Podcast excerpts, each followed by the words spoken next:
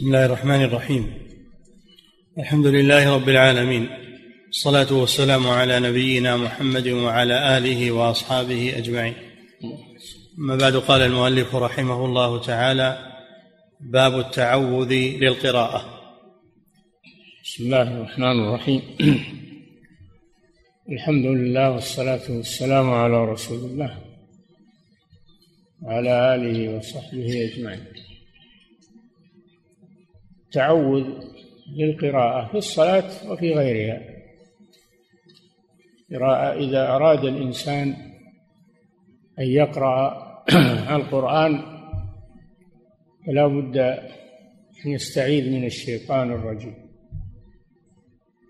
بقوله سبحانه وتعالى فإذا قرأت القرآن فاستعذ بالله من الشيطان الرجيم.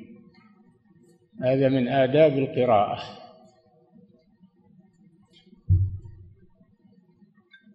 الشيطان هو إبليس لعنه الله ويشمل كل شيطان ومارد من الجن والإنس لأن الشياطين يكونون من الجن ويكونون من الإنس ويكونون من الدواب أيضا. دواب فيها شياطين. وأصل الشيطان قيل مأخوذ من شاط الشيء إذا اشتد. وقيل مأخوذ من شطن بمعنى بعد. الشيطان لأنه بعيد سمي شيطانا بعيد. بعيد عن ذكر الله بعيد عن الخير. شطن يعني بعيد. شيطان بعيد. عن الخير. الرجيم فعيل بمعنى مفعول أي مرجوم لأنه ملعون ومطرود من رحمة الله سبحانه وتعالى فهو رجيم بمعنى مرجوم. والحكمة من الاستعاذة قبل القراءة طرد الشيطان عن القارئ لئلا يوسوس له ويشوش عليه قراءته لأن الشيطان يحرص أن يشوش على القارئ وأن يوسوس له ويشغله عن القراءة وعن التدبر. فإذا استعاذ بالله من الشيطان في أول القراءة انطرد عنه الشيطان ولجأ إلى الله. فمعنى أعوذ أي ألتجي إلى الله. أعوذ بالله من الشيطان الرجيم. أي ألتجئ إلى الله من شر الشيطان لئلا يشوش علي في قراءتي ويوسوس لي.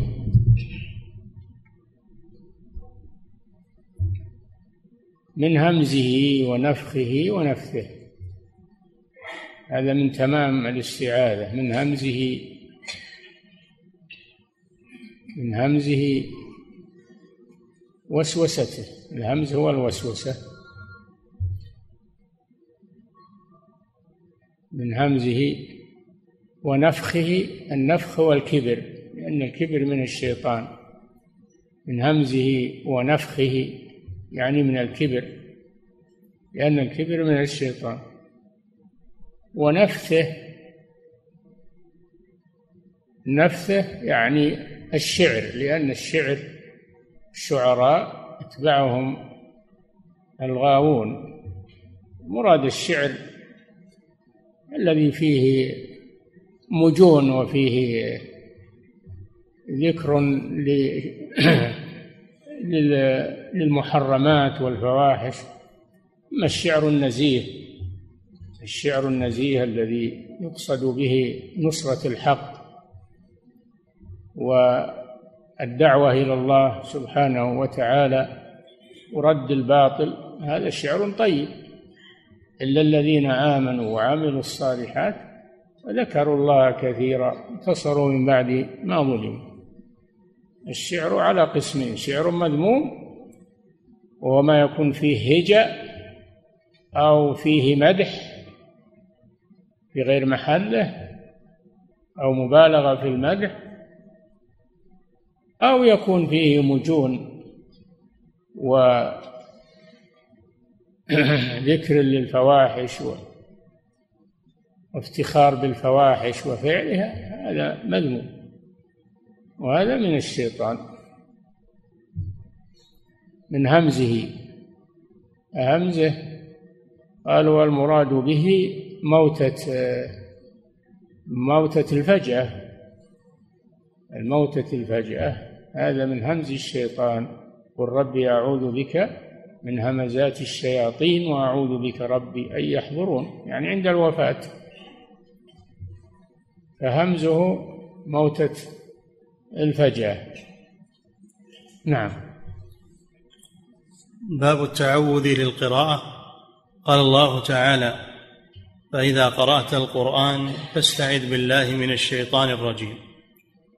فإذا قرأت القرآن يعني إذا أردت قراءة القرآن وليس المراد إذا فرغت من قراءة القرآن بل المراد إذا أردت قراءة القرآن.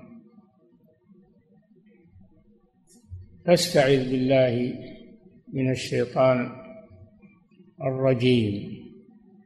نعم.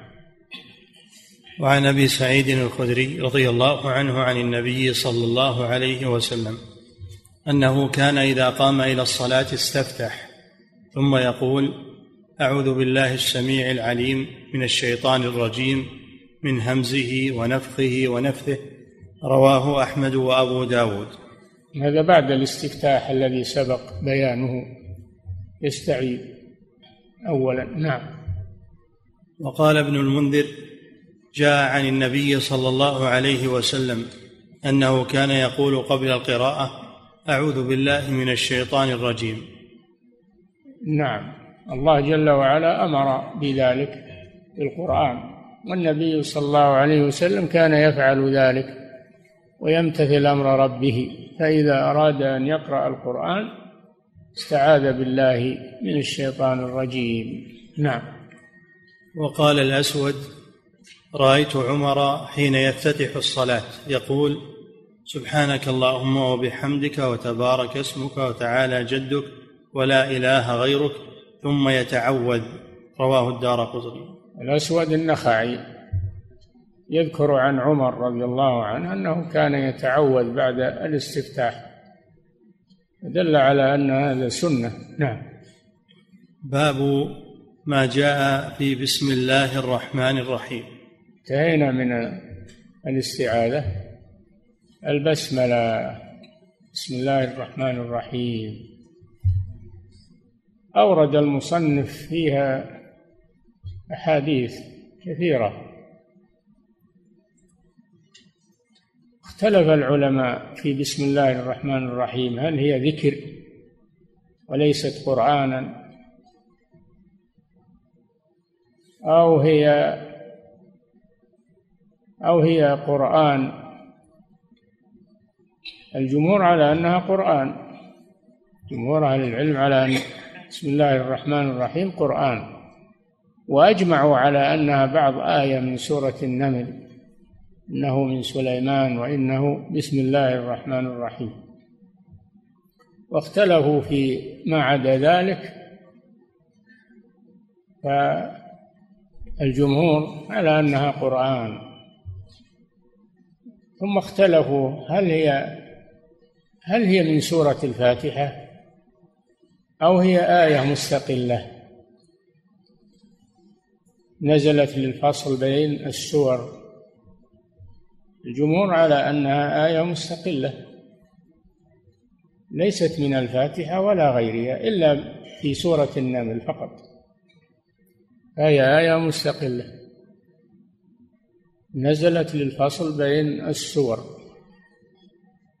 فكان النبي صلى الله عليه وسلم لا يعلم انتهاء السورة إلا إذا نزلت عليه بسم الله الرحمن الرحيم. هذا مذهب جمهور أهل العلم. نعم. باب ما جاء في بسم الله الرحمن الرحيم. عن أنس بن مالك رضي الله عنه قال صليت مع النبي صلى الله عليه وسلم وأبي بكر وعمر وعثمان فلم أسمع أحدا منهم يقرأ ببسم الله الرحمن الرحيم. رواه أحمد ومسلم. نعم. وفي لفظ صليت خلف النبي صلى الله عليه وسلم وخلف أبي بكر وعمر وعثمان فكانوا لا يجهرون ببسم الله الرحمن الرحيم. رواه نعم. أحمد. نعم. رواه أحمد والنسائي بإسناد على شرط الصحيح ولأحمد ومسلم صليت خلف النبي صلى الله عليه وسلم وأبي بكر وعمر وعثمان فكانوا يستفتحون بالحمد لله رب العالمين. لا يذكرون بسم الله الرحمن الرحيم في أول قراءة ولا في آخرها. نعم. ولعبد الله ابن أحمد في مسند أبيه عن شعبة عن قتادة عن أنس رضي الله عنه قال صليت خلف رسول الله صلى الله عليه وسلم وخلف أبي بكر وعمر وعثمان. فلم يكونوا يستفتحون القراءة ببسم الله الرحمن الرحيم. قال شعبة قلت لقتادة أنت سمعته من أنس؟ قال نعم نحن سألناه عنه. وللنسائي عن منصور ابن زاذان عن أنس رضي الله عنه قال صلى بنا رسول الله صلى الله عليه وسلم فلم يسمعنا قراءة بسم الله الرحمن الرحيم وصلى بنا أبو بكر وعمر فلم نسمعها منهما. نعم. وعن ابن عبد الله ابن مغفل. وعن ابن عبد الله بن مغفل قال سمعني أبي. نعم. وعن, وعن ابن عبد الله بن مغفل قال سمعني أبي وأنا أقول بسم الله الرحمن الرحيم. فقال يا بني إياك والحدث. قال ولم أر من أصحاب رسول الله صلى الله عليه وسلم رجلا كان أبغض إليه حدثا في الإسلام منه. فإني صليت مع رسول الله صلى الله عليه وسلم ومع أبي بكر ومع عمر ومع عثمان فلم أسمع احدا منهم يقولها فلا تقلها. إذا أنت قرأت فقل الحمد لله رب العالمين. رواه الخمسة إلا أبا داود. نعم. ومعنى قوله لا تقلها وقوله لا يقرؤونها أو لا يذكرونها ولا يستفتحون بها أي جهرا بدليل قوله في رواية تقدمت لا يجهرون بها وذلك يدل على قراءتهم لها سرا. نعم. وعن قتادة قال سئل أنس كيف كانت قراءة النبي صلى الله عليه وسلم؟ فقال كانت مدا. نعم. هذه الأحاديث التي مرت كلها تدل على أنه لا يجهر ببسم الله الرحمن الرحيم وإنما يبدأ بالحمد لله رب العالمين. دل على أنها ليست من الفاتحة. ليست من الفاتحة. إذ لو كانت من الفاتحة لجهروا بها الرسول وأبو بكر وعمر وعثمان ما كانوا يجهرون بها. لو كانت آية من الفاتحة جهروا بها. فدل على أنها آية مستقلة ويقرأها سرا. ليس معناه أنه يتركها لكن يقرأ بها سرا قبل الجهر بالفاتحة. هذا مذهب جمهور أهل العلم ولذلك الأكثر ما تسمعونهم يجهرون بسم الله الرحمن الرحيم. بينما بعض الأئمة يجهرون بها هؤلاء على مذهب من يرى أنها من الفاتحة وهم جماعة من أهل العلم منهم الشافعي ومنهم يرون أنها من الفاتحة فيجهر بها ولكن السنة خلاف ذلك. أنها ليست من الفاتحة ولا يجهر بها. هذا هو الكلام في بسم الله الرحمن الرحيم. نعم. ومعنى ومعنى قوله لا تقلها وقوله لا يقرؤونها أو لا يذكرونها ولا يستفتحون بها أي جهرا بدليل قوله في رواية تقدمت لا يجهرون بها وذلك يدل على قراءتهم لها سرا. هذا كلام المؤلف رحمه الله. وعبد الله بن مغفل عد هذا من الإحداث من الحدث الجهر بها عده من الحدث يعني من البدعة. لأنه ما كان الرسول ولا أبو بكر ولا عمر ولا عثمان يجهرون بها. هذا حدث والنبي صلى الله عليه وسلم يقول من أحدث في أمرنا هذا ما ليس منه فهو رد. يحذرون من الإحداثات في الدين. نعم. وعن قتادة قال سئل أنس كيف كانت قراءة النبي صلى الله عليه وسلم؟ فقال كانت مدا ثم قرأ بسم الله الرحمن الرحيم. يمد بسم الله ويمد بالرحمن ويمد بالرحيم رواه البخاري. نعم الرسول صلى الله عليه وسلم كان يظهر مد الحروف ويقول بسم الله الرحمن الرحيم الحمد لله رب العالمين الرحمن الرحيم ولا يحذفها حذفا. هكذا كانت قراءة النبي صلى الله عليه وسلم وكان يقف على رأس كل آية. هكذا كانت قراءة النبي صلى الله عليه وسلم. هذا المد الوارد عن الرسول. أما المد الذي يذكره علماء التجويد فهو مد آخر وذلك أن حرف اللين الذي هو الألف والواو والياء إذا جاء بعدها همزة إنهم يمدونها. هذا المد بمقدار يقولون أكثر شيء بمقدار أربع حركات. هذا عند علماء التجويد وليس هو المد الذي المذكور هنا. نعم. وروى ابن جريج نعم.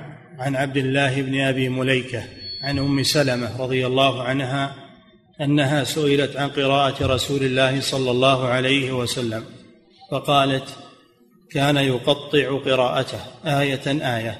نعم. وهذا من صفة قراءته صلى الله عليه وسلم أنه كان يقف على رؤوس الآيات ولا يصل بعضها ببعض. هذا هو المستحب والسنة أما لو وصل بعضها ببعض لا سيما إذا كانت الآيات بعضها مرتبط ببعض فلا مانع من القرن بينها لكن الأولى الفصل. نعم. عن أم سلمة أنها سئلت عن قراءة رسول الله صلى الله عليه وسلم فقالت كان يقطع قراءته آية آية. بسم الله الرحمن الرحيم. الحمد لله رب العالمين. الرحمن الرحيم. مالك يوم الدين. رواه أحمد وأبو داود. الله يعافيك. لو تسكت عنها هالبراد هالهواء تحسن إلينا. ابشر نعم. باب ما جاء في البسملة. هل هي من الفاتحة؟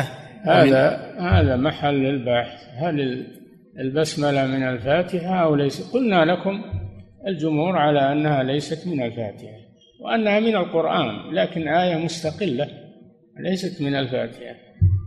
وعند الشافعي رحمه الله وجماعة أنها من الفاتحة ولذلك يجهرون بها. نعم. باب ما جاء في البسملة هل هي من الفاتحة ومن أوائل السور أم لا؟ عن أبي نعم. هريرة رضي الله عنه قال قال رسول الله صلى الله عليه وسلم من صلى صلاة لم يقرأ فيها بفاتحة الكتاب فهي خداج يقولها ثلاثا نعم. فقيل لأبي هريرة إنا نكون وراء الإمام. فقال اقرأ بها في نفسك. فإني سمعت رسول الله صلى الله عليه وسلم يقول قال الله عز وجل قسمت الصلاة بيني وبين عبدي نصفين. الكلام في هذه المسألة في قراءة الفاتحة في الصلاة أجمعوا على أجمع الجمهور لا في من يرى أنها ليست واجبة في الصلاة. قوله تعالى فاقرأوا ما تيسر منه ولقوله صلى الله عليه وسلم للمسيء في صلاته ثم اقرأ ما تيسر معك من القرآن والله جل وعلا قال فاقرأوا ما تيسر منه قالوا هذا دليل على أن المطلوب قراءة شيء من القرآن ما هو لازم من الفاتحة. لكن مذهب الجماهير من أهل العلم على أنه يجب قراءة الفاتحة. وأنها ركن من أركان الصلاة في حق الإمام والمنفرد. في حق الإمام والمنفرد. وأما المأموم ففيه الخلاف القوي بينهم. منهم من يوجبها على المأموم ويقرأ ولو كان إمام يقرأ ومنهم من يقول لا إذا كان الإمام يجهر بالقراءة تكفي قراءة الإمام. قوله تعالى وإذا قرئ القرآن فاستمعوا له وأنصتوا لعلكم ترحمون. هذه الآية نزلت في الصلاة. أنهم كانوا يقرؤون خلف النبي صلى الله عليه وسلم ويشوشون عليه وينازعونه القراءة فأنزل الله هذه الآية. وإذا قرئ القرآن فاستمعوا له وأنصتوا لعلكم ترحمون. فلا تجب على المأموم وإنما تجب على الإمام والمنفرد فقط. وأما المأموم فإذا تيسر له أن يقرأها بدون تشويش يقرأها وإذا كان لا يتمكن الحمد لله الدين يسر ولله الحمد يستمع لقراءة الإمام. هذا مذهب جمهور أهل العلم. وأما الإمام البخاري رحمه الله والإمام الشافعي وجماعة من المحدثين فيرون الرأي الأول أنها واجبة على كل مصلي سواء كان إماما يرون أنها واجبة على كل مصل سواء كان إماما أو مأموما أو منفردا. وقد صنف الإمام البخاري رحمه الله رسالة مستقلة سماها جزء القراءة خلف الإمام رسالة مستقلة. القراءة خلف الإمام هي مطبوعة وموجودة. عقبها شيخ الإسلام ابن تيمية رحمه الله برسالة أيضا والمسألة مهمة جدا. نعم. عن أبي هريرة رضي الله عنه قال قال رسول الله صلى الله عليه وسلم من صلى صلاة لم يقرأ فيها بفاتحة الكتاب فهي خداج. الأحاديث كثيرة التي أوردها المصنف رحمه الله. والشارح الشوكاني رحمه الله ما قصر أيضا في بيان أسانيدها ودراستها وذكر خلاف العلماء. أجاد في هذه المسألة وأفاد رحمه الله. نعم. فهي خداج يقولها ثلاثا. خداج بكسر الخاء يعني ناقصة. مثل ولد الناقة إذا ظهر قبل تمامه يقال له خداج يعني ناقص. نعم. يقولها ثلاثا فقيل لأبي هريرة إنا نكون وراء الإمام. فقال اقرأ بها في نفسك. فإني سمعت رسول الله صلى الله عليه وسلم يقول قال الله عز وجل قسمت الصلاة بيني وبين عبدي نصفين ولعبدي ما سأل. فإذا قال العبد الحمد لله رب العالمين. قال الله حمدني عبدي. فإذا قال الرحمن الرحيم الرحمن الرحيم. قال الله أثنى علي عبدي. فإذا قال مالك يوم الدين. قال مجدني عبدي. وقال مرة فوض إلي عبدي. وإذا قال إياك نعبد وإياك نستعين. قال هذا بيني وبين عبدي ولعبدي ما سأل. فإذا قال صراط الذين أنعمت عليهم غير المغضوب عليهم ولا الضالين. قال هذا لعبدي ولعبدي ما سأل. رواه الجماعة إلا البخاري وابن ماجه. هذا الحديث حديث عظيم في معنى في بيان معنى الفاتحة. في بيان معنى الفاتحة. وأن الله قسمها نصفين. نصف لله عز وجل الثناء عليه والحمد له تمجيده. وهذا يسمى دعاء المسألة. ثناء على الله وتمجيده وتسبيحه يسمى دعاء المسألة. وهي ثلاث آيات ونصف. الحمد لله رب العالمين الرحمن الرحيم مالك يوم الدين إياك نعبد. هذا لله عز وجل. وإياك نستعين إلى آخر. السورة هذا للعبد بمعنى أنه دعاء مسألة. العبد يسأل ربه هذه الأمور. فهذا موضوع سورة الفاتحة العظيمة. والشاهد من الحديث للباب أن الله سماها صلاة. فسمت الصلاة يعني الفاتحة. سماها صلاة. وما دامت صلاة فإنها تجب على كل مصلي. هذا من أدلة الذين يوجبونها على الإمام والمنفرد والمأموم لأن الله سماها صلاة. دل على أنها واجبة على كل مصلي. هذا من أدلتهم. نعم. وعن أبي هريرة رضي الله عنه عن النبي صلى الله عليه وسلم أنه قال إن سورة من القرآن.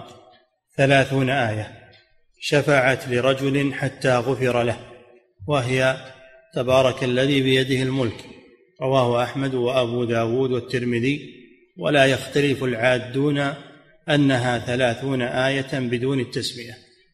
هذا من أدلة القائلين بأن بسم الله الرحمن الرحيم ليست من الفاتحة لأن الرسول صلى الله عليه وسلم أخبر أن سورة تبارك الذي بيده الملك ثلاثون آية.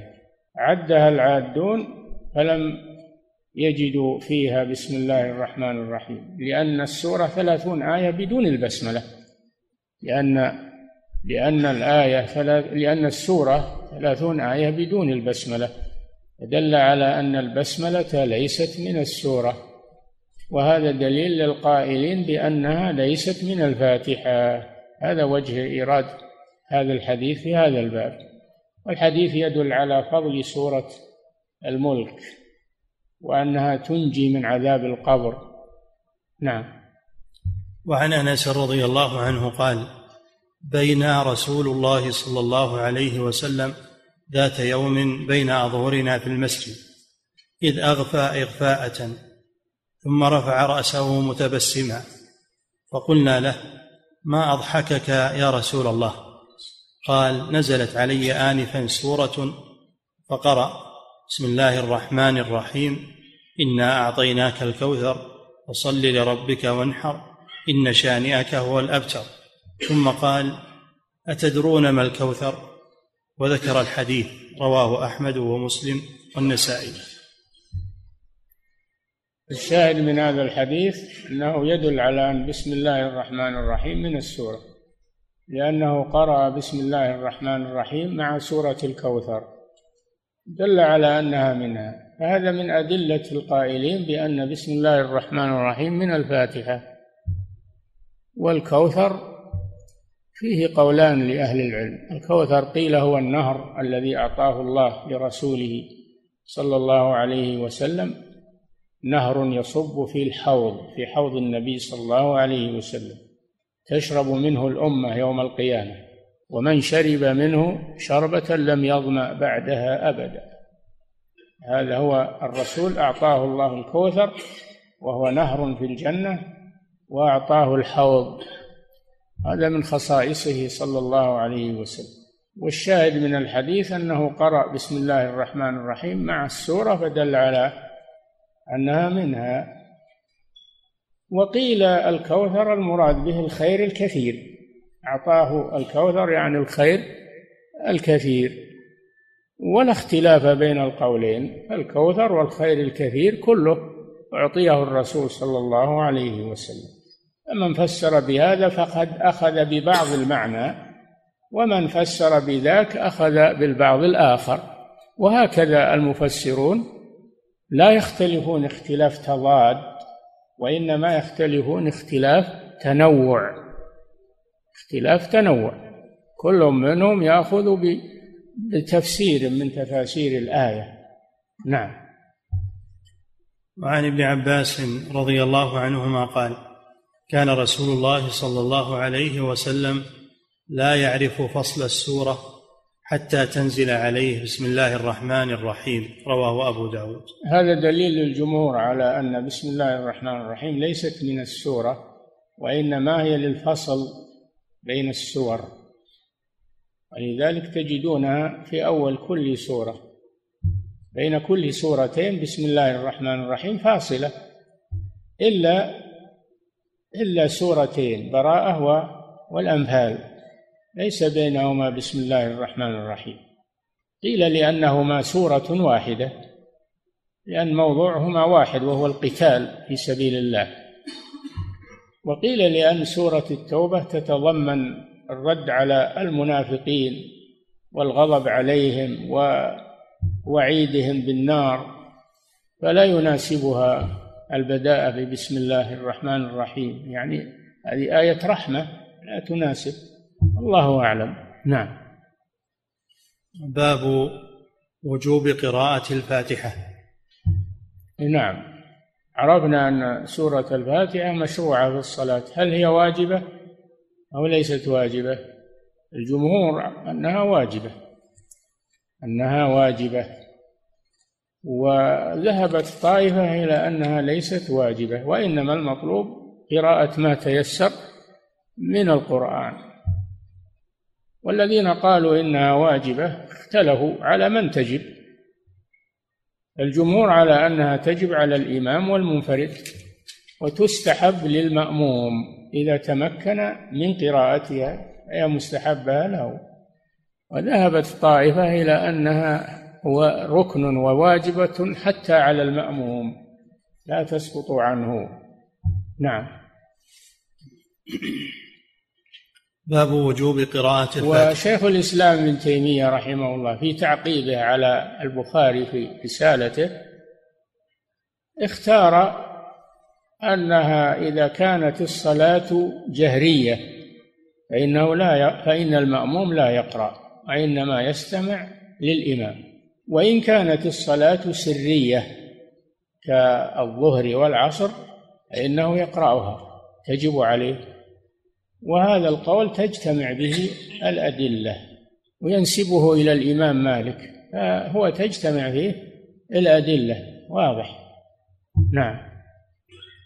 باب وجوب قراءة الفاتحة. عن عبادة بن الصامت رضي الله عنه أن النبي صلى الله عليه وجوبها مذهب جمهور أهل العلم كما ذكرنا. نعم. عن عبادة بن الصامت رضي الله عنه أن النبي صلى الله عليه وسلم قال لا صلاة لمن لم يقرأ بفاتحة الكتاب رواه الجماعة. نعم هذا دليل على بطلان صلاة من لم يقرأ بفاتحة الكتاب لأن الرسول صلى الله عليه وسلم قال لا صلاة والنفي إيه النفي لا شك أنه موجه إلى الحقيقة لا إلى الكمال موجه للحقيقة يعني فلا صلاة صحيحة لمن لم يقرأ بفاتحة الكتاب. لا صلاة صحيح. والذين يقولون انها ليست واجبة يقولون لا صلاة كاملة توجه النفي إلى الكمال. ولكن الأصل أن النفي للحقيقة وليس للكمال. نعم. وفي لفظ لا تجزئ صلاة لمن لم يقرأ بفاتحة الكتاب رواه الدار قطني وقال إسناده صحيح.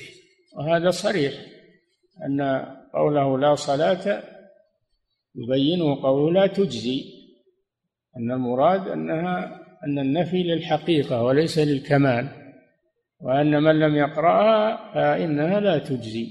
نعم. وعن عائشة رضي الله عنها قالت سمعت رسول الله صلى الله عليه وسلم يقول من صلى صلاة لم يقرأ فيها بأم القرآن فهي خداج رواه أحمد وابن ماجه وقد سبق مثله من حديث أبي هريرة. نعم خداج يعني ناقصة لأن ولد الناقة إذا ولدته قبل تمامه يسمى خداج. نعم. وعن أبي هريرة رضي الله عنه أن النبي صلى الله عليه وسلم أمره أن يخرج فينادي لا صلاة إلا بقراءة فاتحة الكتاب فما زاد. رواه أحمد وأبو داود. نعم وعن أبي هريرة رضي الله عنه أن النبي صلى الله عليه وسلم أمره أن يخرج فينادي. أمر أبا هريرة يعني. أمره أن يخرج فينادي لا صلاة إلا بقراءة فاتحة الكتاب فما زاد. رواه أحمد وأبو داود. فما زاد يعني من السورة بعدها. نعم. باب ما جاء في قراءة المأموم وإنصاته إذا سمع امامه هذه المسألة المختلف فيها. هل تجب على المأموم أو لا تجب؟ نعم. باب ما جاء في قراءة المأموم وإنصاته إذا سمع إمامه. عن أبي هريرة رضي الله عنه أن رسول الله صلى الله عليه وسلم قال إنما جعل الإمام ليؤتم به فإذا كبر فكبروا وإذا قرأ فأنصتوا. رواه الخمسة إلا الترمذي وقال مسلم هو صحيح. نعم هذا الحديث من أدلة الذين يقولون لا تجب على المأموم لأنه قال إذا قرأ فأنصتوا كما في قوله تعالى وإذا قرئ القرآن فاستمعوا له وأنصتوا. أدل على أنه أنه لا يجب على المأموم قراءة الفاتحة وإنما تكفي قراءة الإمام لها. نعم. وعن أبي هريرة رضي الله عنه أن رسول الله صلى الله عليه وسلم انصرف من صلاة جهر فيها بالقراءة فقال هل قرأ معي أحد منكم آنفا؟ فقال رجل نعم يا رسول الله. قال فإني أقول ما لي أنازع القرآن. قال فانتهى الناس عن القراءة مع رسول الله صلى الله عليه وسلم فيما يجهر فيه رسول الله صلى الله عليه وسلم من الصلوات بالقراءة حين سمعوا ذلك من رسول الله صلى الله عليه وسلم. رواه أبو داود والنسائي والترمذي وقال حديث حسن. هذا من أدلة القائلين أنها لا تجب على المأموم إذا جهر الإمام أنها لا تجب على المأموم إذا جهر الإمام لأن النبي صلى الله عليه وسلم استنكر على هذا الرجل الذي نازعه القرآن. إذا جهر الإمام فالمأموم يستمع. وإذا وإذا قرأ فأنصتوا. إذا قرئ القرآن فاستمعوا له وأنصتوا لأنه يصبح ما لقراءة الإمام فائدة. إذا كنت تقرأ والإمام يقرأ ما صار لقراءة الإمام فائدة. نعم. وعن عبادة قال صلى رسول الله صلى الله عليه وسلم الصبح فثقلت عليه القراءة. فلما انصرف قال إني أراكم تقرؤون وراء إمامكم. قال قلنا يا رسول الله إي والله. قال لا تفعلوا إلا بأم القرآن فإنه لا صلاة لمن لم يقرأ بها. رواه أبو داود والترمذي والبخاري في جزء في جزء القراءة وصححه وله شواهد. في جزء القراءة هذا اللي قلت لكم رسالة للبخاري اسمها القراءة خلف الإمام غير الصحيح مؤلف مستقل.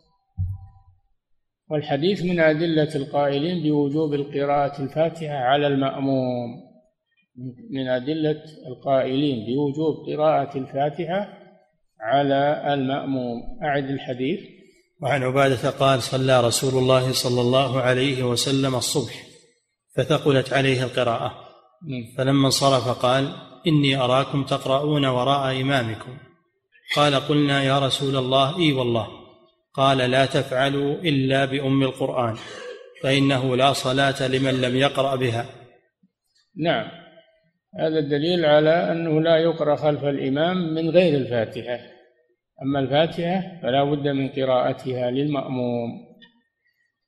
ولو كان الإمام يقرأ لأنها لا لأنه لا صلاة إلا بها. نعم. رواه أبو داود والترمذي والبخاري في جزء القراءة وصححه وله شواهد عند أحمد وابن حبان وفي لفظ فلا تقرأوا بشيء من القرآن إذا جهرت به إلا بأم القرآن. صريح هذا أنه أنه لا يقرأ بشيء من القرآن والإمام يجهر إلا بالفاتحة فيقرأها المأموم. هذا من أدلة الذين يحتمونها على كل مصل من إمام ومأموم ومنفرد. نعم. رواه أبو داود والنسائي والدار قطني وقال كلهم ثقات. نعم. وعن عبادة رضي الله عنه أن النبي صلى الله عليه وسلم قال لا يقرأن أحد منكم شيئا من القرآن إذا جهرت بالقراءة إلا بأم القرآن. رواه الدار قطني وقال رجاله كلهم ثقات. وهذا من أدلة القائلين بوجوبها على المأموم ولو كان الإمام يجهر. نعم. وعن عبد وروى عبد الله ابن شداد أن النبي صلى الله عليه وسلم قال من كان له إمام فقراءة الإمام له قراءة. رواه الدار قطني وقد روي مسندا من طرق كلها ضعاف. والصحيح أنه مرسل. هذا الحديث من أدلة القائلين أنها لا تجب على المأموم. أنها لا تجب على المأموم لأنه قال من كان له إمام فقراءته له قراءة أي قراءة الإمام تكفي عن المأموم. ولذلك المأموم يقول آمين. آمين على أي شيء؟ على الفاتحة لأنها دعاء. فإذا أمن عليها فكأنه قرأها كأنه قرأها. لأن موسى عليه السلام دعا على فرعون وقومه قال موسى ربنا إنك آتيت ربنا إنك آتيت فرعون. ها؟ نعم. إن آتيت فرعون إنك آتيت فرعون وملأه أموالا زينة في الحياة الدنيا. ربنا اطمس على أموالهم واشدد. إلى آخر الآية إلى أن قال الله جل وعلا قد أجيبت دعوتكما. مع أن هارون ما دعا؟ الذي دعا موسى وأما هارون فهو أمن على دعاء موسى. الله جل وعلا نسب الدعاء لهما موسى وهارون. قد أجيبت دعوتكما. دل على أن الإمام إذا أمن على قراءة على أن المأموم إذا أمن على قراءة الإمام للفاتحة فكأنه قرأها. هذا من أدلة القائلين أنها لا تجب على المأموم وأنه يكفي أن يؤمن على قراءة الإمام. نعم. رواه الدار قطني. إنك أتيت فرعون وملأه زينة وأموالا في الحياة الدنيا. نعم. من كان له إمام فقراءة الإمام له قراءة رواه الدار قطني وقد روي مسندا من طرق كل كلها ضعاف والصحيح أنه مرسل. وعن عمران يعني مرسل من رواية عبد الله بن شداد عن الرسول التابعي والتابعي إذا روى عن الرسول فهو مرسل. نعم. وعن عمران بن حصين رضي الله عنه أن النبي صلى الله عليه وسلم صلى الظهر. فجعل رجل يقرأ خلفه. سبح اسم ربك الأعلى. فلما انصرف قال أيكم قرأ؟ أو أيكم القارئ؟ قال رجل أنا. فقال قد ظننت أن بعضكم خالجنيها متفق عليه. نعم هذا يدل على أنه لا يقرأ يعني من القرآن. أن المأموم لا يقرأ من القرآن. هذا محل اتفاق. الخلاف إنما هو في الفاتحة. هل يقرأها المأموم خلف الإمام أو لا؟ نعم. باب التأمين والجهر به مع القراءة. نعم. عن أبي هريرة رضي الله عنه أن النبي صلى الله عليه وسلم قال إذا أمن الإمام فأمنوا فإن من وافق تأمينه تأمين الملائكة غفر له ما تقدم من ذنبه. وقال ابن شهاب كان رسول الله صلى الله ابن شهاب يعني الزهري. نعم. قال ابن شهاب قال ابن شهاب كان رسول الله صلى الله عليه وسلم يقول آمين.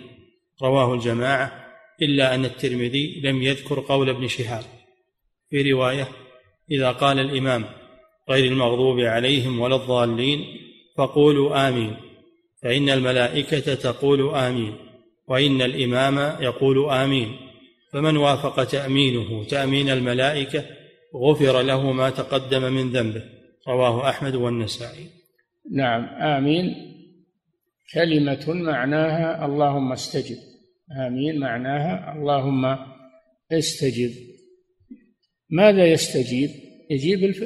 يستجيب دعاء الفاتحة لأن دعاء كلها دعاء آه، عباده دعاء مسألة فيؤمن عليها الجميع الإمام والمأمومون.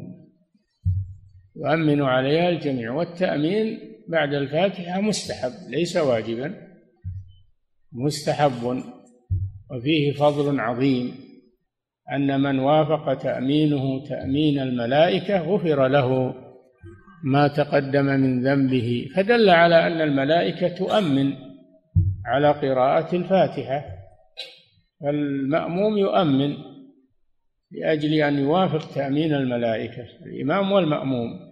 يؤمن حتى المنفرد يؤمن على قراءة نفسه للفاتحة. مستحب هذا لأن لأنه تأمين على الدعاء الذي في الفاتحة. نعم. وعن أبي هريرة رضي الله عنه قال كان رسول الله صلى الله عليه وسلم إذا تلا غير المغضوب عليهم ولا الضالين قال آمين حتى يسمع من يليه من الصف الأول. رواه أبو داود وابن ماجه وقال حتى يسمعها أهل الصف الأول فيرتج بها المسجد. هذا دليل على أنه يجهر بها ولا يكفي أن الإنسان يقول آمين سرا بل يجهر بها في الجهرية يجهر بها في الصلاة الجهرية ولا يقولها سرا. كان الصحابة يؤمنون خلف النبي صلى الله عليه وسلم حتى يرتج المسجد. بأصواتهم رضي الله عنهم دل على أنه يجهر بها في الصلاة الجهرية. نعم. وعن وائل ابن حجر رضي الله عنه قال سمعت النبي صلى الله عليه وسلم قرأ غير المغضوب عليهم ولا الضالين فقال آمين يمد بها صوته. رواه أحمد وأبو داود والترمذي. هذا فيه أنه يمد بها الصوت. آمين. ولا يحذفها حذفا. آمين. لا. يمد بها صوته. يجهر بها. نعم. باب حكم من لم يحسن فرض القراءة. يكفي. نقف على. نعم.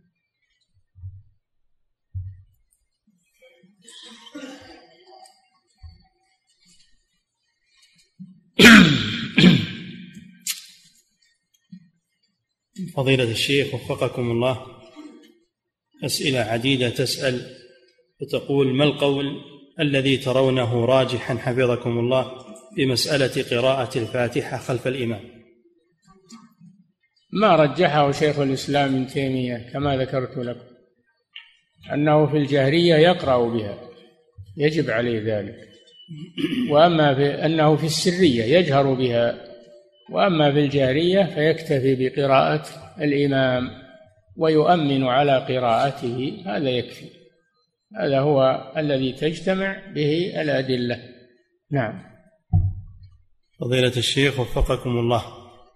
يقول من صلى بسورتين فقرأ سورتين في ركعة واحدة.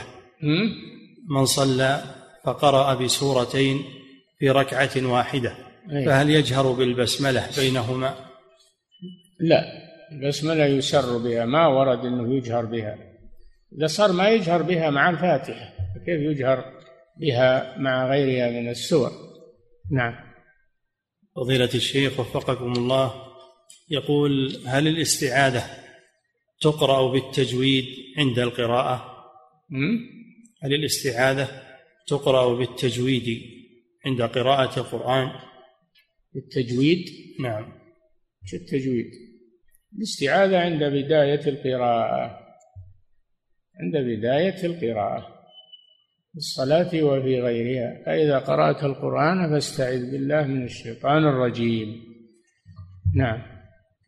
فضيلة الشيخ وفقكم الله. يقول بالنسبة للاستعاذة ما الأفضل؟ ما ورد في حديث أبي سعيد الخدري أو الاقتصار على أعوذ بالله من الشيطان الرجيم فقط. إذا قال أعوذ بالله من الشيطان الرجيم أتى بالسنة ولكن الأكمل أن يقول من همزه ونفخه ونفثه. هذا هو الأفضل. نعم. فضيلة الشيخ وفقكم الله يقول ذكرتم حفظكم الله أن الشعر أن الشعر قسمان فما هما؟ ذكرته لكم. الشعر النزيه الذي يفيد في اللغة العربية والأدب وفوق ذلك يفيد في الدين هذا مستحب وفيه. قال صلى الله عليه وسلم إن من الشعر لحكمة الشعر فيه حكمة. وإن من البيان لسحرا الشعر فيه حكمة. وهو طيب جيده جيد ورديئه رديء. أما إذا كان الشعر في الهجاء والذم والمدح والمجون فهذا حرام ولا يجوز. نعم. فضيلة الشيخ وفقكم الله. يقول إذا كان شعر المدح مدحته شخصا وهو يستاهل ويستحق هذا المدح ولكن لتقوية القصيدة ولزيادة الثناء مدحته أيضا بشيء ليس فيه. فهل هذا من الشعر المذموم؟ نعم. هذا من الكذب. إذا مدحته بشيء ليس فيه فقد كذبت. هذا لا يجوز. إذا مدحته بما فيه لا بأس لكن لا يكون هذا بوجهه لا يكون بحضوره. لا يجوز مدح الإنسان في حضوره. أما مدحه بما فيه ليس في حضوره لا بأس به. نعم. فضيلة الشيخ وفقكم الله. يقول ما حكم الاستعاذة قبل تكبيرة الإحرام قبل البداء في الصلاة. لا أصل لها ما ورد هذا. هذا ما ورد نعم. فضيلة الشيخ وفقكم الله بعض الناس يقول إنه لا يجوز لعن الشيطان لأنه يتعاظم. نعم هذا في الحديث. لا يجوز. الشيطان لعنه الله ما يحتاج إنك تلعنه وأيضا إذا لعنت الشيطان معناه إنك برأت نفسك ووضعت اللوم على الشيطان. إذا عصيت الله ولعنت الشيطان فهذا دليل على أنك يعني حملت الشيطان ذنبك وبرأت نفسك. الشيطان يفرح بهذا يقول أغويته. فعليك التوبة إلى الله والاستغفار. ولا تلعن الشيطان. نعم. فضيلة الشيخ وفقكم الله. يقول هل نأخذ من حديث عبد الله بن مغفل رضي الله عنه عندما قال لابنه إن ذلك من الحدث وهو الجهر ببسم الله الرحمن الرحيم؟ هل نأخذ منه أن الجهر بها بدعة؟ هكذا يرى عبد الله بن مغفل نعم. لأن لأن الرسول وأبا بكر وعمر ما وعثمان ما كانوا يجهرون بها. الذي يجهر بها أحدث شيئا لم يفعلوه. هذا نوع من الإحداث. نعم. فضيلة الشيخ وفقكم الله يقول هناك هناك بعض الناس عندما يمد بالقراءة يجعل الضمة واوا والكسرة ياء فما حكم هذه القراءة؟ مثل؟ المد إنما هو في الحروف التي بعدها همز حروف اللين التي هي الألف والواو والياء في حروف اللين. إذا جاء بعدها همز تمد. مدا معتدلا. ما هو مد بعض الناس وبعض الشباب اللي يصرخ ويملل من خلفه. لا مد معتدل. علماء التجويد يقولون بمقدار أربع حركات. حركات في الأصبع يعني. أربع حركات في أصبعك. يعني الأمور كلها لابد من الاعتدال فيها. نعم. فضيلة الشيخ وفقكم الله. يقول بالنسبة لما ورد في الجهر وفي الإسرار بسم الله الرحمن الرحيم هل يمكن أن يقال إنه يجمع بين الأحاديث بأن يقال بأنه يجهر بها أحيانا ويسر بها أحيانا؟ لا ما قال هذا أحد فيما أعلم. ما قال هذا أحد. إلا ابن عباس رضي الله عنه جهر بها في صلاة الجنازة قال لتعلموا أنها سنة يعني في صلاة الجنازة. أما في الفريضة فكل يعلم أنها أنها مشروعة. نعم. فضيلة الشيخ وفقكم الله. يقول الاستعاذة هل هي في كل ركعة؟ الراجح أن أنها في الركعة الأولى. هذا هو الراجح هو الذي رجحه الشوكاني. ومنهم من يرى أنها في كل أنها تابعة للقراءة. وأن تقرأ في كل ركعة فتبدأ فتستعيذ قبلها. الله أعلم. نعم. فضيلة الشيخ وفقكم الله في قول النبي صلى الله عليه وسلم من سمع النداء فلم يجب فلا صلاة له إلا من عذر. هل النفي هنا للحقيقة أم هو للكمال؟ النفي هنا للكمال. هو له للحقيقة ما صحت صلاته. والجمهور على أنها تصح صلاته مع الإثم. تصح صلاته مع الإثم ولا يكون له إلا صلاة واحدة بينما الذي يصلي مع الجماعة له سبع وعشرين صلاة بالفضيلة أين الفرق بينهما؟ فهو فاتته الفضيلة وأيضا فعل محرما وهو التخلف عن صلاة الجماعة. ولكن صلاته صحيحة بحد ذاتها مجزئة. لأنه جاء من صلى في بيته أو في آه، مكان فإن له صلاة واحدة ومن صلى مع الجماعة فله سبع وعشرين صلاة أو خمس وعشرين صلاة. نعم. فضيلة الشيخ وفقكم الله. هل يؤخذ من قول النبي صلى الله عليه وسلم فهي خداج أي ناقصة؟ هل يؤخذ منه أن من لم يقرأ بفاتحة الكتاب أن صلاته صحيحة لكنها ناقصة؟ هذا قول الجمهور نعم هذا قول الجمهور أنها صحيحة لكنها ناقصة. نعم. فضيلة الشيخ وفقكم الله ورد ذكر فضل سورة تبارك سورة الملك. المراد بالمأموم هو الإمام والمنفرد لابد من قراءة ما تصح صلاته إلا بها ولكن المأموم هو اللي اختلفوا هل تصح أو لا؟ نعم. يقول وفقك الله يقول ورد ذكر فضل سورة الملك فهل الفضل المنصوص عليه؟ بمعنى أنه يقرأ يقرأها كل يوم أم يحفظها في الصدر؟ لا يقرأها يقرأها كل يوم لما فيها من الفضل. تسمى المنجية. تسمى المنجية تنجي من عذاب القبر. نعم. فضيلة الشيخ وفقكم الله يقول هل عدم تأمين الإمام بعد الفاتحة يؤثر على صحة صلاة المأمومين خلفه؟ هل, هل إيش؟ هل عدم تأمين الإمام وقوله آمين بعد الفاتحة يؤثر على صحة صلاة المأمومين؟ لا ما يؤثر لأن السنة التأمين سنة ما هو واجب في الصلاة سنة. لو تركوها صلاتهم صحيحة. نعم. فضيلة الشيخ وفقكم الله. يقول كبر الإمام تكبيرة الإحرام وقرأ آيتين من سورة الفاتحة في صلاة العشاء.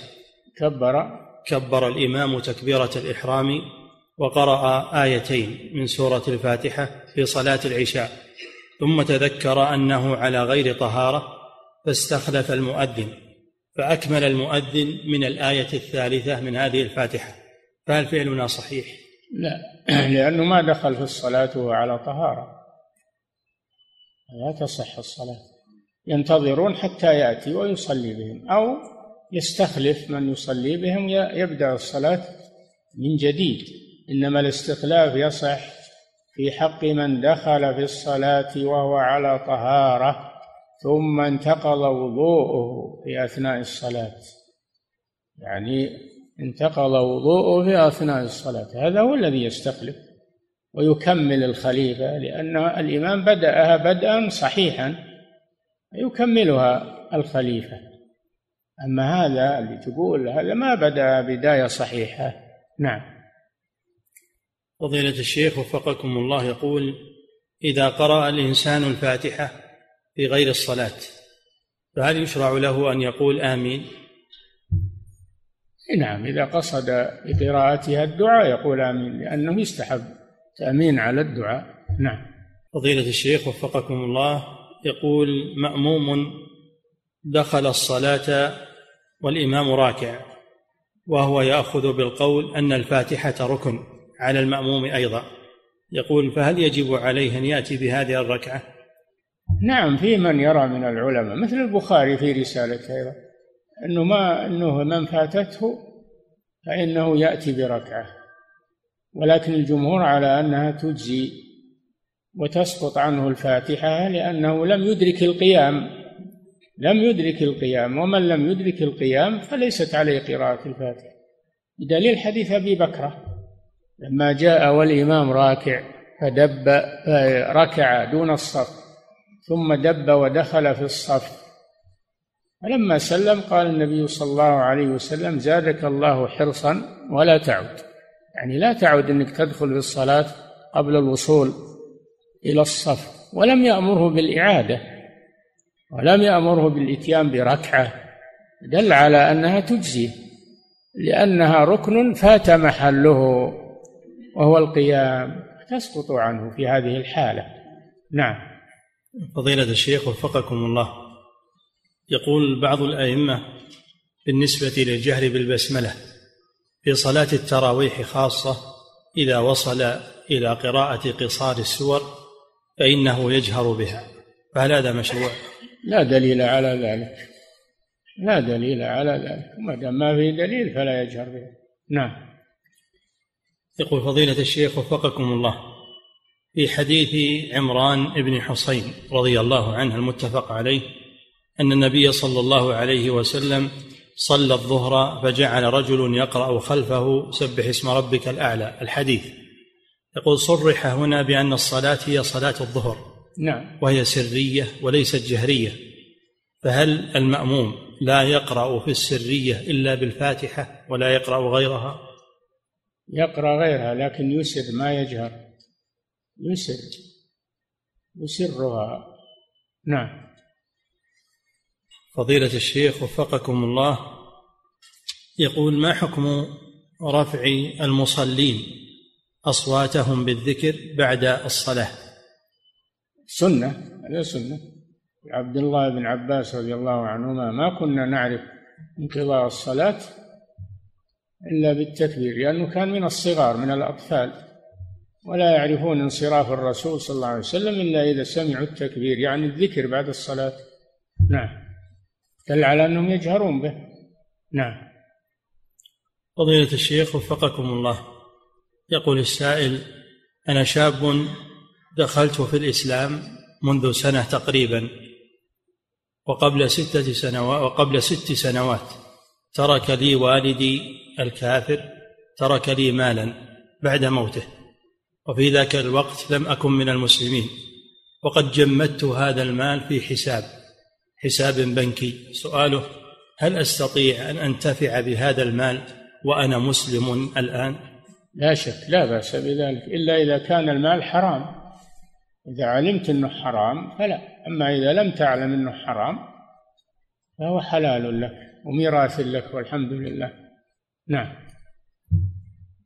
فضيلة الشيخ وفقكم الله. يقول هناك بعض حملات الحج. لأنك يوم تعرفه وأنت تقول ما أنت مسلم. التوارث بين الكفار مشروع. التوارث بين الكفار لا بأس. نعم. فضيلة الشيخ وفقكم الله يقول هناك بعض حملات الحج اسمها الحج أو تقوم بالحج بالإنابة. فيقوم يقول هناك بعض حملات الحج تقوم بعمل الحج بالإنابة. وذلك بأن تقوم بأخذ مال من الموكل مقداره ثلاثة آلاف ريال. ثم تقوم بتوكيل طالب علم من أهل مكة بالحج عن ذاك الشخص وتعطيه نصف المبلغ والباقي تأخذه الحملة لها بدل أتعاب. هذا لا يجوز هذا من التلاعب والإنابة ما هي للمال. الإنابة للعبادة وأداء العبادة عن الميت والعاجز ولا يقصد بها المال. عبادات لا يقصد بها المال ولا يجوز هذا العمل لكن هؤلاء يستغلون العبادات للاستثمار والعياذ بالله. يستغلون العبادات للاستثمار وهذا لا يجوز. نعم. فضيلة الشيخ وفقكم الله. يقول هناك من يقول إن الأشاعرة من أهل السنة. كيف يكونون من أهل السنة وهم لا يثبتون الصفات؟ كيف يكونون من أهل السنة وهم أدلتهم من علم الكلام ومن علم المنطق ولا يستدلون بالأدلة الصحيحة من كلام الرسول صلى الله عليه وسلم؟ ليسوا من أهل السنة. لكن بعض العلماء يقول إنهم أقرب إلى أهل السنة من سائر الفرق. أقرب فقط وإلا ليسوا منهم. نعم. فضيلة الشيخ وفقكم الله يقول هل إذا قمت بمدح المشركين لبعض صفاتهم كالكرم مثلا وحسن الخلق والشجاعة ولكنني لا أقر دينهم وأبغضهم هل فعلي هذا صحيح؟ وش الداعي لهذا؟ وش الداعي لهذا؟ تمدح المشركين؟ ما له داعي هذا ولو كان فيهم صفات يعني شجاعة أو أو أو كرم أو ما أشبه ذلك لا لا يمدحون ولا يثنى عليهم. نعم. فضيلة الشيخ وفقكم الله يقول نحن شباب من أهل السنة من غير هذه البلاد وليس عندنا مسجد في بلادنا وقد أهدي إلينا أرض والأنظمة في بلادنا لا بد أن تكون هذه الأرض تحت اسم جمعية. فهل يجوز لنا أن نكون جمعية لأجل هذا الغرض فقط أم أن هذا يدخل تحت التحزب؟ إيش يقول؟ يقول نحن شباب من غير هذه البلاد وليس عندنا مسجد في بلادنا وقد أهدي إلينا أرض. والأنظمة في بلادنا لا بد أن تكون هذه الأرض تحت اسم جمعية. فهل يجوز لنا أن نكون جمعية لأجل هذا الغرض فقط؟ أم أن هذا يدخل في التحزب؟ شوفوا جمعية من الجمعيات القائمة جمعيات أهل الخير واطلبوا منهم أنهم يعمرون المسجد باسمهم والأرض من من المتبرع يعمرون المسجد باسمهم. ولا يحصل كذب ولا شيء. نعم. فضيلة الشيخ وفقكم الله رجل من أهل الجنوب وميقاته يلملم. رجل؟ رجل من أهل الجنوب وميقاته يلملم. نعم. أراد العمرة لكنه لم يحرم من الميقات بل ذهب بامرأته إلى أهلها في المدينة ومكث أسبوعا في المدينة ثم أحرم من ميقات المدينة. فهل فعله جائز؟ هذا هو السنة. هو جائز بس. هذا هو السنة. أنه مر على ميقات المدينة وهو يريد العمرة يحرم من ميقات المدينة. نعم. لقوله صلى الله عليه وسلم هن لهن ولمن أتى عليهن من غير أهلهن من أراد الحج أو العمرة. نعم. فضيلة الشيخ وفقكم الله يقول ما حكم إطالة الدعاء للميت عند زيارة قبره؟ لا بأس بذلك. هذا من صالح الميت انك تدعو له وتطيل له الدعاء. من صالحه. نعم. فضيلة الشيخ وفقكم الله. يقول يقول نمت بعد صلاة العصر ولم أستيقظ إلا وقت صلاة العشاء على الإقامة لصلاة العشاء. فهل أصلي المغرب أولا؟ ثم أصلي معهم العشاء. أم ماذا أصنع؟ إيه نعم. صلى المغرب أولا ثم ادخل معهم في ما بقي من صلاة العشاء بنية العشاء لأنه لا بد من الترتيب بين الفرائض. نعم. فضيلة الشيخ وفقكم الله في قوله سبحانه وتعالى إن الله وملائكته يصلون على النبي. كيف تكون صلاة الله على النبي صلى الله عليه وسلم؟ ثناؤه عليه. صلاة الله ثناؤه عليه في الملأ الأعلى. وصلاة الملائكة الاستغفار له. وصلاة الآدميين الدعاء له. هذا جاء في في الأثر. ذكر الشيخ محمد بن عبد الوهاب في ثلاثة الأصول. نعم. فضيلة الشيخ وفقكم الله. يقول هل ذكره الشيخ محمد بن عبد الوهاب عن أبي العالية في ثلاثة الأصول. نعم. يقول فضيلة الشيخ وفقكم الله يقول هل العمرة في هذا الشهر لها خصوصية؟ ليس لها خصوصية يعني انه من اشهر الحج. نعم من اشهر الحج. العمرة فيه لها خصوصية لأنه في أشهر الحج وهي أفضل من غيرها. نعم. فضيلة الشيخ وفقكم الله. يقول هل إذا رأيت رجلا قد صلى خلف الصف وحده هل آمره بالإعادة؟ نعم الرسول أمره بالإعادة. رأى رجلا يصلي خلف الصف فأمره أن يعيد الصلاة. هذا في الحديث. نعم. فضيلة الشيخ وفقكم الله يقول كيف أجعل تأميني يوافق تأمين الملائكة لأحوز على الفضل؟ وهل يجوز لي أن أمد التأمين أنت ما تدري أنت ما تدري أنك توافق الملائكة أو لا لكن أمن. المطلوب أنك تأمن. وإذا أمنت فأنت حري أن توافق الملائكة لأنهم يؤمنون في هذا الوقت. نعم. فضيلة الشيخ وفقكم الله يقول فضيلة الجماعة فضيلة صلاة الجماعة هل تدرك بإدراك أي جماعة في المسجد سواء كانت الجماعة هي الأولى أو الثانية أو الثالثة؟ نعم إذا صليت مع جماعة حتى لو جيت وحدك وقام واحد من الذين صلوا وصلى معك أدركت جماعة. لأنك معذور في ترك الجماعة الأولى معذور. فتقيم الجماعة ثانية نعم فاتته الجماعة الأولى يصلي مع جماعة ثانية ويحصل له أجر الجماعة حتى ولو قام واحد وصلى معه. نعم. فضيلة الشيخ وفقكم الله. يقول ما ذكرتم حفظكم الله من قول ابن عباس كنا نعرف انقضاء صلاة رسول الله صلى الله عليه